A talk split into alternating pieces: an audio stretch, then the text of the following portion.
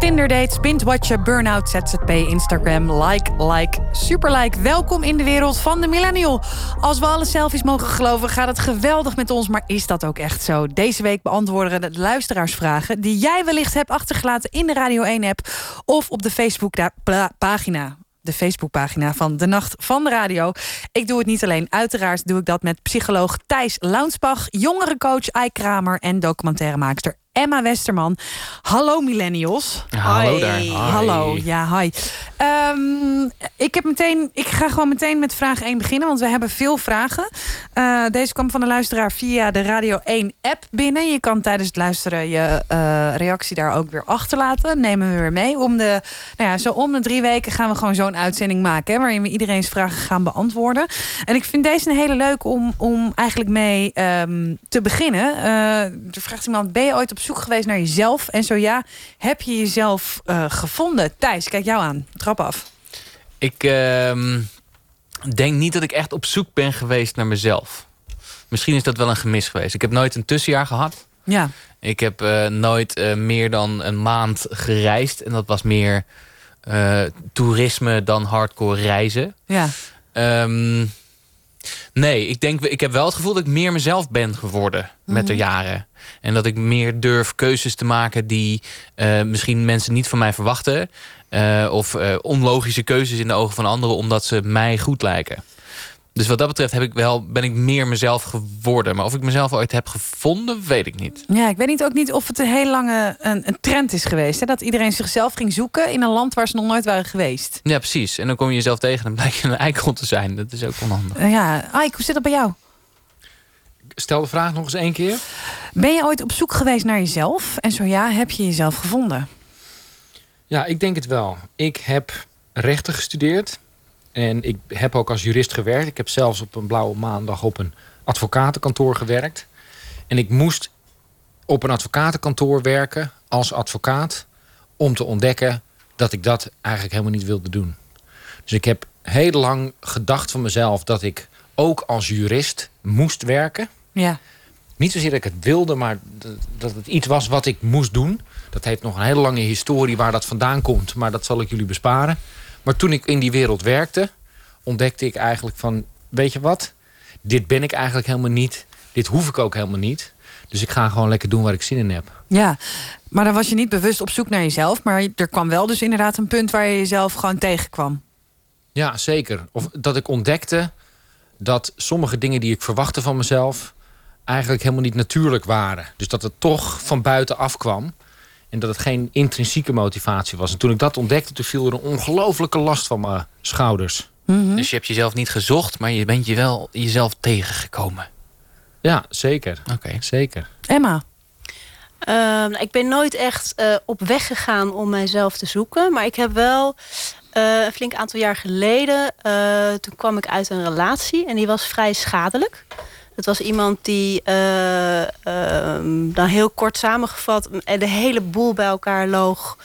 En ervoor zorgde dat ik aan alles ging twijfelen. Mhm. Ook aan mezelf. En toen dat uitging, nou, toen heb ik er wel echt een flink tijdje even over gedaan... om weer te weten wat ik nou zelf wil, wat ik... Ja, wie ik ben ook inderdaad eigenlijk. En dat, uh, dat was wel een heftig leerproces. Dat iemand dus inderdaad zo erg in je hoofd kan dringen... dat je niet meer weet wie je bent. Ja, ja, uh, was dat dan, is dat dan wat ze een reality check noemen? Um, ja, enorm. En ook, kijk, ik ben er toen echt vol aangegaan. Omdat ik ook dacht, ja, ik wil nou niet. Ik gunde het hem zeg maar niet dat ik daardoor uh, bijvoorbeeld uh, nou ja, nooit meer iemand zou vertrouwen. Dus ik ben dat vol aangegaan. En toen ook heel kritisch gaan kijken naar mezelf. Oké, hoe komt het nou dat ik dus zo lang ben gebleven in een relatie die niet goed voor mij was? Uh, en dat is, het is een enorme spiegel geweest. En dat heeft er wel voor gezorgd dat ik erachter kwam... Uh, hoe ik beter voor mezelf kon zorgen. En uh, mezelf meer op waarde ben gaan schatten. Ja. Mm -hmm. Hoe zit dat met jullie? Hou je jezelf nou ja, zo nu en dan even een spiegel voor? Ike? Ja, ik vind dat zelf ontzettend belangrijk.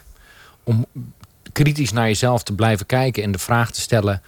is dit, is dit waarom doe ik wat ik doe? Mm -hmm is dit wat ik wil? Doe ik het voor mezelf of doe ik het eigenlijk voor een ander? Ja. doe ik dat ik denk dat het uh, goed is voor mijn imago? Of wil ik het echt zelf? Dus ja, ik heb daar zelf wel besteed daar wel veel tijd aan. En dat kan, ook, ja, dat kan je ook doen door een boek te lezen... of door gesprekken met mensen erover te voeren. Of door gewoon eens even inderdaad... Nou, om nou echt voor de spiegel te gaan staan, letterlijk. Ja. Maar wel mentaal gezien eens even... Ik geloof er ook in dat je die dingen op papier moet zetten trouwens. Dus Mhm. niet alleen maar Zeker, gaan ja. nadenken erover en piekeren. Ik geloof absoluut dat je in dit soort processen reflecteren... dat het heel erg helpt om ook dingen van je eh, even uit je hoofd te halen... en op papier te zetten. En terug te lezen ook. Het is heel lezen. interessant om terug te lezen waar je vandaan komt en eh, welk proces je inderdaad al hebt doorlopen. Mhm.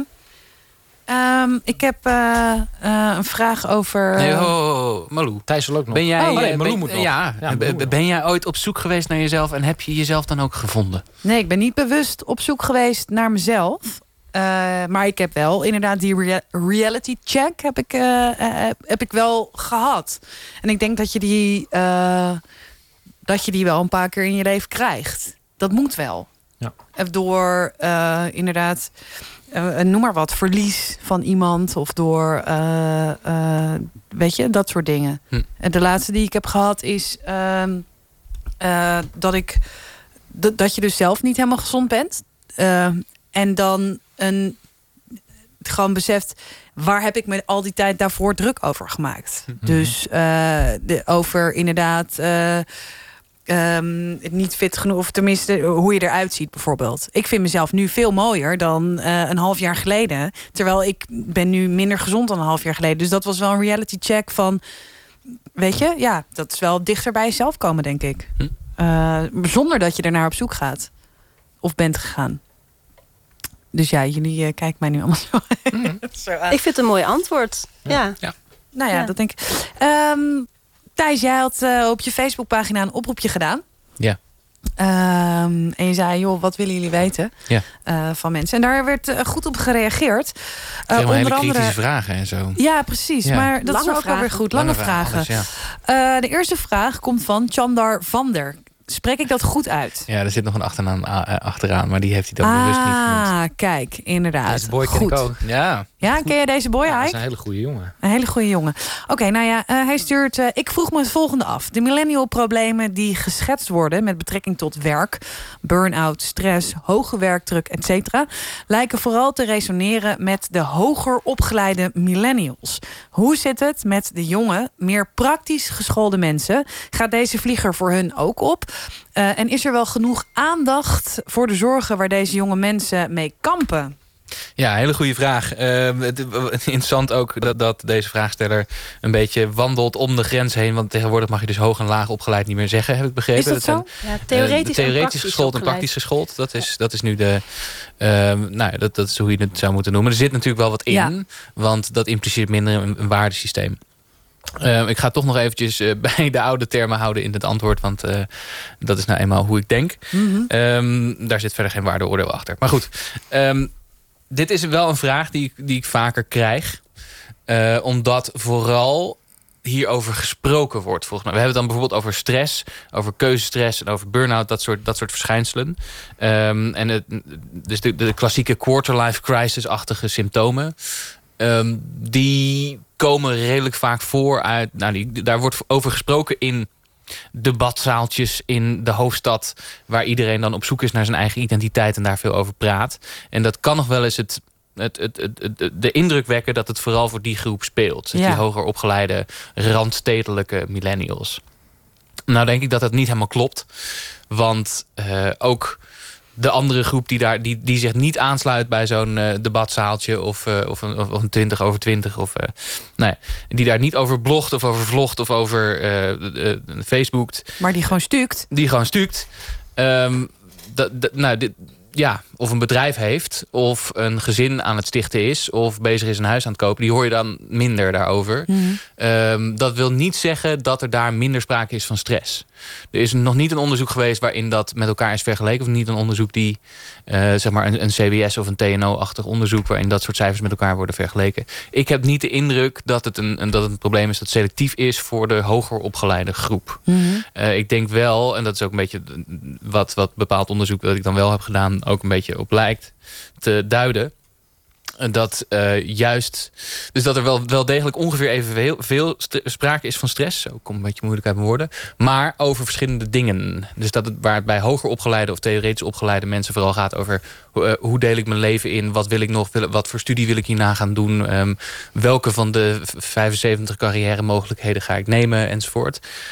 Zijn er andere thema's die gaan meer over huisvesting, gezin, trouwen, geldzorgen, dat soort dingen. Die nee, ik wou net zeggen, want inderdaad, uh, als je uh, praktijkgericht geschoold bent, verdien je vaak minder dan de theoretisch Nou, dat zou ik niet per se zeggen hoor. Je kan nee? beter stukken door zijn dan uh, communicatieadviseur op dit moment. Zeker. Omscholen. Omscholen. Ja. Stukken lijkt me best leuk, hè? Ik, ik wil dus op zo'n stoomwals rijden. Dat lijkt me zo leuk. Ja, ja. Oké, is goed. Doe dat maar verdient, dat, dat verdient toerisme. Goed. Dat, ja. Ja, As, asfaltleg verdient keihard. Lijkt mij dus echt heel ja, tof. precies. Maar volgens mij ben je wel dan op je zestigste dood. Oh, en heb je, is je hele rug naar de kloten. Maar dan ben je wel rijk. Even, even nog terug te gaan. De samenvatting van mijn antwoord. Want het was een beetje een long and rambling answer, zou ik zeggen. Uh, dus het, het, er is niet sprake van minder stress of minder problemen. Ze gaan alleen over andere dingen. Ja. Um, en ik denk wel degelijk dat we in de duiding van het probleem... vooral naar de mondige, hoogopgeleide, uh, randstedelijke millennial kijken. En dat is inderdaad best zonde. Ja. Uh, hebben jullie veel vrienden die praktijk, of, ja, praktijkgericht... hebben jullie veel laagopgeleide vrienden? Oh ja hoor. Dus een hele goede vriend van mij die, die is dan in een ander land gaan werken. En daar um, betekent... Uh, um, wat had hij nou? Hij had een, VMBO gedaan op een mm, college. Ja. En hij werkt nu in een, in een land in Oost-Europa... waar college betekent dat je, dat, je, dat je VWO hebt gedaan... of gymnasium hebt gedaan. Dus hij heeft zich mhm. op die manier wel zeg maar, de theoretische kant ingeluld. Ja. Uh, maar ja, nee, er zijn wel degelijk... Uh, ik, ik ben officieel laag opgeleid. Oh ja? ja nou kijk, serieus? daar kennen we tenminste één. Ja, inderdaad. dat is flauw. Want? Uh, omdat ik uh, heb heel veel gestudeerd. Ook op de universiteit en zo. Ik heb heel veel propeduizen gehaald. Maar nooit een diploma. Hmm. En nooit een bachelor. Dit is overigens wel een heel interessant ding. Van komen dus die twee verschillende lagen elkaar nog wel tegen. Ja. Uh, zeker in een soort van de, de, de, de kokerwerking waar we nu in zitten. Uh, in de, dat je de soort van verschillende kastes krijgt. En eigenlijk is dat super zonde. Want het is gewoon een andere manier van naar de wereld kijken. En elke nou, manier. Is dat ja, ik denk dat we, Nou, ja? ik denk dat we tegenwoordig... Um, de samenleving is een stuk minder verzuild dan vroeger. Ja. Dus ik denk dat als je het, het hangt vanaf waar je het mee vergelijkt. Ik denk dat we de maatschappij wel een stuk pluriformer en opener is dan vroeger. En dat dus ook verschillen tussen opleidingsniveaus veel minder een rol spelen. Dus je kan, wat denk ik wel natuurlijk zo is, is als ik zit nu na te denken. Ik, ja, ik heb zelf hoogopgeleide en laagopgeleide vrienden. Volgens mij heeft ook veel van de dingen waar we het hier in de podcast over hebben, hebben heel veel met emotie ook te maken. Ja. Net als dat bijvoorbeeld keuzes maken, dat is een emotioneel proces. Je zou denken, oh, dat is heel rationeel, maar het is emotioneel. als je zeg maar, als je emo eh, dat hebben ze ook wel onderzocht en zo. Hè? Dus als die mhm. emoties niet goed werken, als die emotieregulatie niet goed werkt, dan kan je geen beslissingen nemen. Dus ook of je nou hoog of laag opgeleid bent, de dingen waar we het hier over hebben, hebben heel veel met emotie te maken. En het maakt het dus niet uit. Mhm. Dus ik heb een jongen in de coaching die is laag opgeleid. En bij hem gaat de worsteling over dat hij eigenlijk zijn droombaan is om snowboarddocent te worden. Maar de vraag is, hoe krijgt hij dat voor elkaar? Er zijn wat obstakels voor hem om dat te bereiken.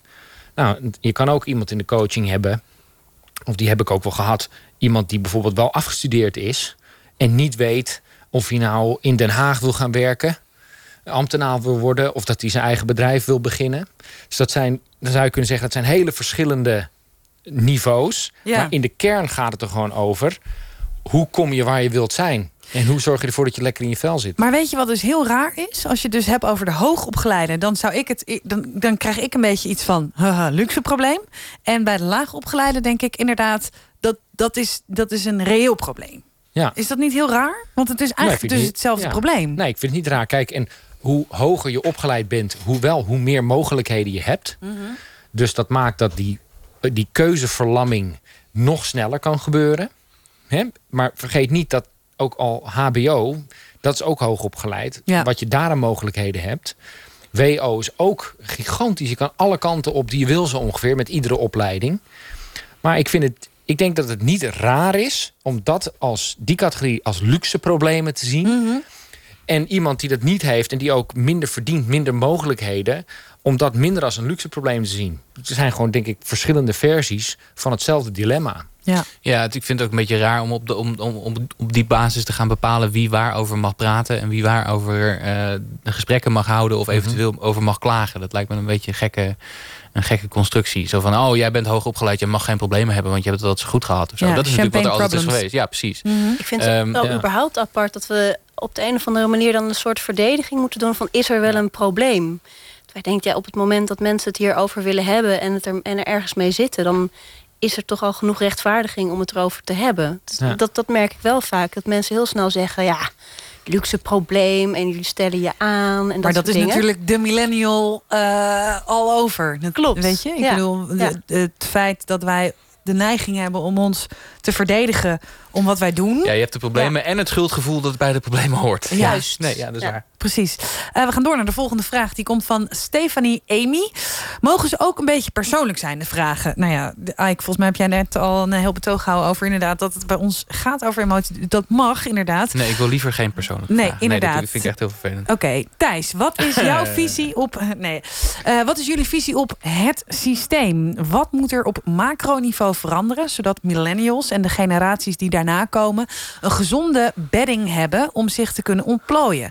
Ik begrijp dat de bottom-up omdenken een logischer plek is om mijn heil in te zoeken, maar wat zouden jullie, de poppenspelers, in de top willen adviseren? Mochten ze meeluisteren en openstaan voor feedback? Goeie vraag. Hele goede vraag, Leuke Stefanie. vraag. Ja, Mhm. zeker goede vraag. Wie wil daarop reageren? Zal ik, zal ik een eerste poging wagen? Graag. Nou, stel je voor, we zouden het, we zouden het kabinet zijn nu, met z'n allen. Emma, Wie zou je zijn? president. Wie wil jij Yes. zijn? Nou, wat, wat, ja, wat zou ik? Ik zou Binnenlandse Zaken, hè? Oh nee, Dat- ik ben al Binnenlandse Zaken. Zou jij Binnenlandse ja, Zaken willen zijn? Ik, ik wil Kasia Ollongren zijn. Oké. Minister Ja. van Defensie, graag. Eh, Thijs, minister van Defensie. Nou, dan weet ik niet. Dat maakt me niet uit. ben jij de minister-president gewoon. Is goed. Nee, dat was ik al. Nee, Ja, eh, dat was ik al. dat is algemene zaken, hè? dus dat is eh, ceremonieel. Volgens mij schieten we iets te ver door in deze vraag. Jongens. Zou het voor het zeggen hebben? Zou het voor het zeggen hebben? Ja. Ik ben niet een groot fan van het idee van basisloon. Omdat het lijkt me heel erg ingewikkeld. En volgens mij hebben we redelijk goed sociaal vangnet in Nederland. Maar wat ik wel zou willen is dat een soort recht op werk. Dus dat jij, bij wijze van spreken, als jij een bepaalde job ziet... en je bent er redelijk voor geschikt, dat je die gewoon kan opeisen. En dat je dus niet langs de kant hoeft blijven zitten... omdat er toevallig even geen vacature is op dat moment. Dat, dat zou ik geweldig vinden. Ook is natuurlijk zo, ja, er zijn heel veel dingen die we niet hebben. Een goed pensioen hebben we niet. Eh, nou, het probleem van de precaire arbeid heb ik dus net al opgelost. Met het recht op werk. en ja, het zou natuurlijk voor ons makkelijker moeten kunnen zijn... om te investeren bijvoorbeeld in een woning. Dus dat gelul van je krijgt geen hypotheek... je wil een huis kopen, maar je krijgt geen hypotheek... Mhm. omdat je geen vast contract hebt. Oh, houd toch op. Dus daar, moet, daar moeten we toch ook een soort van garantiestelsel voor kunnen doen... dat de overheid zich garant stelt voor de hypotheek van een flexwerker. Ja. Even een paar ideetjes. Ja, ik heb er nog wel een paar andere, want ik heb me- mezelf net benoemd tot eh, minister van eh, arbeidsomstandigheden. Ehm, dat is natuurlijk wel iets waar we voor millennials, maar ook denk ik voor een, voor een hele grote groep andere mensen eh, wel iets aan kunnen doen. Ehm, want mensen die werken hebben het af en toe best zwaar. Eh, vooral die mensen die werken in een omgeving waar ze behoorlijk worden gepusht op hun eigen grenzen. En waar het bijvoorbeeld, eh, waar ze, nou, ik, ik denk dat er best wel ruimte is om mensen eh, wat te beschermen tegen bijvoorbeeld te veel werken in je vrije tijd. Of de norm dat mensen ook nog e-mailen in hun vrije tijd. Ehm, of eh, eigenlijk veel te veel uren maken. Hè. Volgens mij we, we eh, werken gemiddeld ongeveer vier, drie à vier uur per week door. Ehm, meestal nog onbetaald. Daar zou je ook paal en perk aan kunnen stellen. En vooral de mensen die dus werken en dat combineren met een soort mantelzorgfunctie of een zorg voor de kinderen, die hebben het vaak behoorlijk pittig. Ehm, dus nou, je zou iets kunnen doen aan hun arbeidsomstandigheden. Dat je bijvoorbeeld dat compensatie krijgt als je zorgtaken hebt. Of als vader bijvoorbeeld ook Mhm. ehm, een, een aantal eh, da- zorgdagen of zorgweken zou kunnen opnemen. Verspreid over een tijd. Zodat je wat mensen wat op een wat relaxtere manier die twee dingen met elkaar laat combineren. En ook een wat relaxtere manier op de lange termijn inzet op duurzaamheid op de arbeidsmarkt. Ja, ik heb daar een vraag over. Ja. Want eh, als je kijkt naar de grote bedrijven, voornamelijk de bedrijven uit het buitenland die zich hier vestigen. Ik heb het over Google, ik heb het over Spotify. Ehm, die creëren een ehm, in, in op het eerste gezicht een hele relaxte eh, arbeids. eh, een hele relaxte neem je hond mee naar werk. We hebben, eh, je mag eh, vakantie wanneer je wil, vaderschapsverlof wanneer je wil. Hoe, hoe zit dat psychologisch, Thijs, met ons? Want als je dus alles mag, Ja. neem je het dan ook? Nou ja, wat ik, wat ik, waar ik wel eens kritisch over bij deze bedrijven over ben... is dit, dit noem je absorptive companies. Dus die Mhm. willen zoveel mogelijk van jouw eisen, eh, eh, aan jouw eisen voldoen. En die willen ook zo, dat je zoveel mogelijk tijd spendeert, ook in je vrije tijd daar. Eh, is dat er wel degelijk een vaak een behoorlijk dwingende moraal achter zit van commitment die je moet geven aan zo'n bedrijf. Dus Ja. het is niet voor niks. Het je, je moet ook wel je hart en je ziel erin leggen. En anders lig je, er, lig je eruit. Ja, En dat betekent ook wel dat wij behoorlijke eisen aan je kunnen stellen. Eh, en als je die niet voldoet, dat we je genadeloos laten vallen. Dus dit is niet... maar durf je Ehm, drie weken naar Griekenland te gaan eh, als, als je collega's dat niet doen? Nou, dat is dus een goede vraag. In Japan krijg je volgens mij vier weken eh, eh, vakantieverlof. Maar is het not done als je er meer dan drie opneemt, bijvoorbeeld? Ja. Dat mag gewoon niet. Dat is de ongeschreven regel dat je altijd minder opneemt dan dat je krijgt. Ehm, dat soort rare ongeschreven regels krijg je natuurlijk ook in de moderne soort van absorptive company. Mhm. Dus ja, je hebt het hier wel heel fijn, maar je moet er ook knijterhard voor werken. ja. Emma, mis je wel eens eh, het voor een baas werken als we het hebben over vakantiedagen? Eh, ja, soms wel eigenlijk. Het lijkt mij heel relaxed om eh, eh, die vakantiedagen op te kunnen nemen zonder schuldgevoel. Maar jullie zijn ZZP'ers, jullie hebben toch altijd vakantiedagen?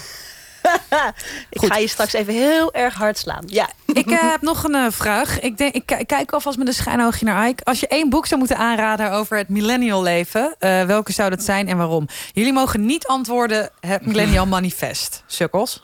Oh, dus we mogen niet zeggen het Millennial Manifest. Nee, je mag niet je eigen boek het Millennial Manifest. zeggen we niet het Millennial Manifest. Eh, inderdaad. Goede presentatie trouwens. Ja, toen, ja, nee.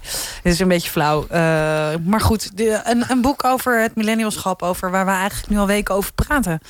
Een boek over het mi- millennial zijn of een boek waarvan ik denk, daar heb je als millennial wat aan. Dat laatste. Dat laatste. Dat is een goede vraag. Ja, ik ben zelf een groot voorstander van gewoon de classics. Wat zijn de classics? De classics. Neem me mee naar de classics. Nou ja, kijk, sowieso. Ik weet niet of de, wat ons publiek, of wij, het publiek dat naar dit programma luistert, of dat ook lezers zijn. Denk het wel, want de vraag is wel. gesteld. De vraag is gesteld.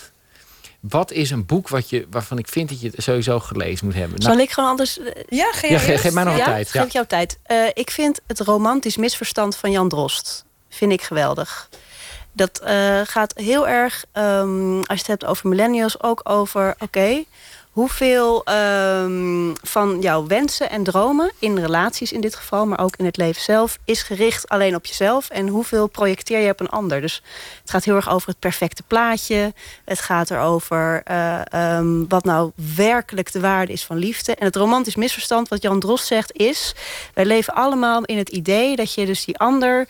eh, de perfecte ander moet gaan vinden... en dat je elkaar dan aanvult en dat je elkaar compleet maakt, eh et cetera. Mhm. En hij heeft echt een boek lang een soort tirade tegen die romantiek. Ja, Die heerlijk is. mooi. Thijs, heb jij een boek? Ja, ik heb eh, echt acuut last van enorm veel keuzestress. Ja. Ehm, met eh, het risico om een beetje eh, controversieel te zijn. Kill your darlings. Ja. Ik zou misschien zeggen, als je het interessant vindt... het boek van Jordan Peterson, 12 Rules for Life...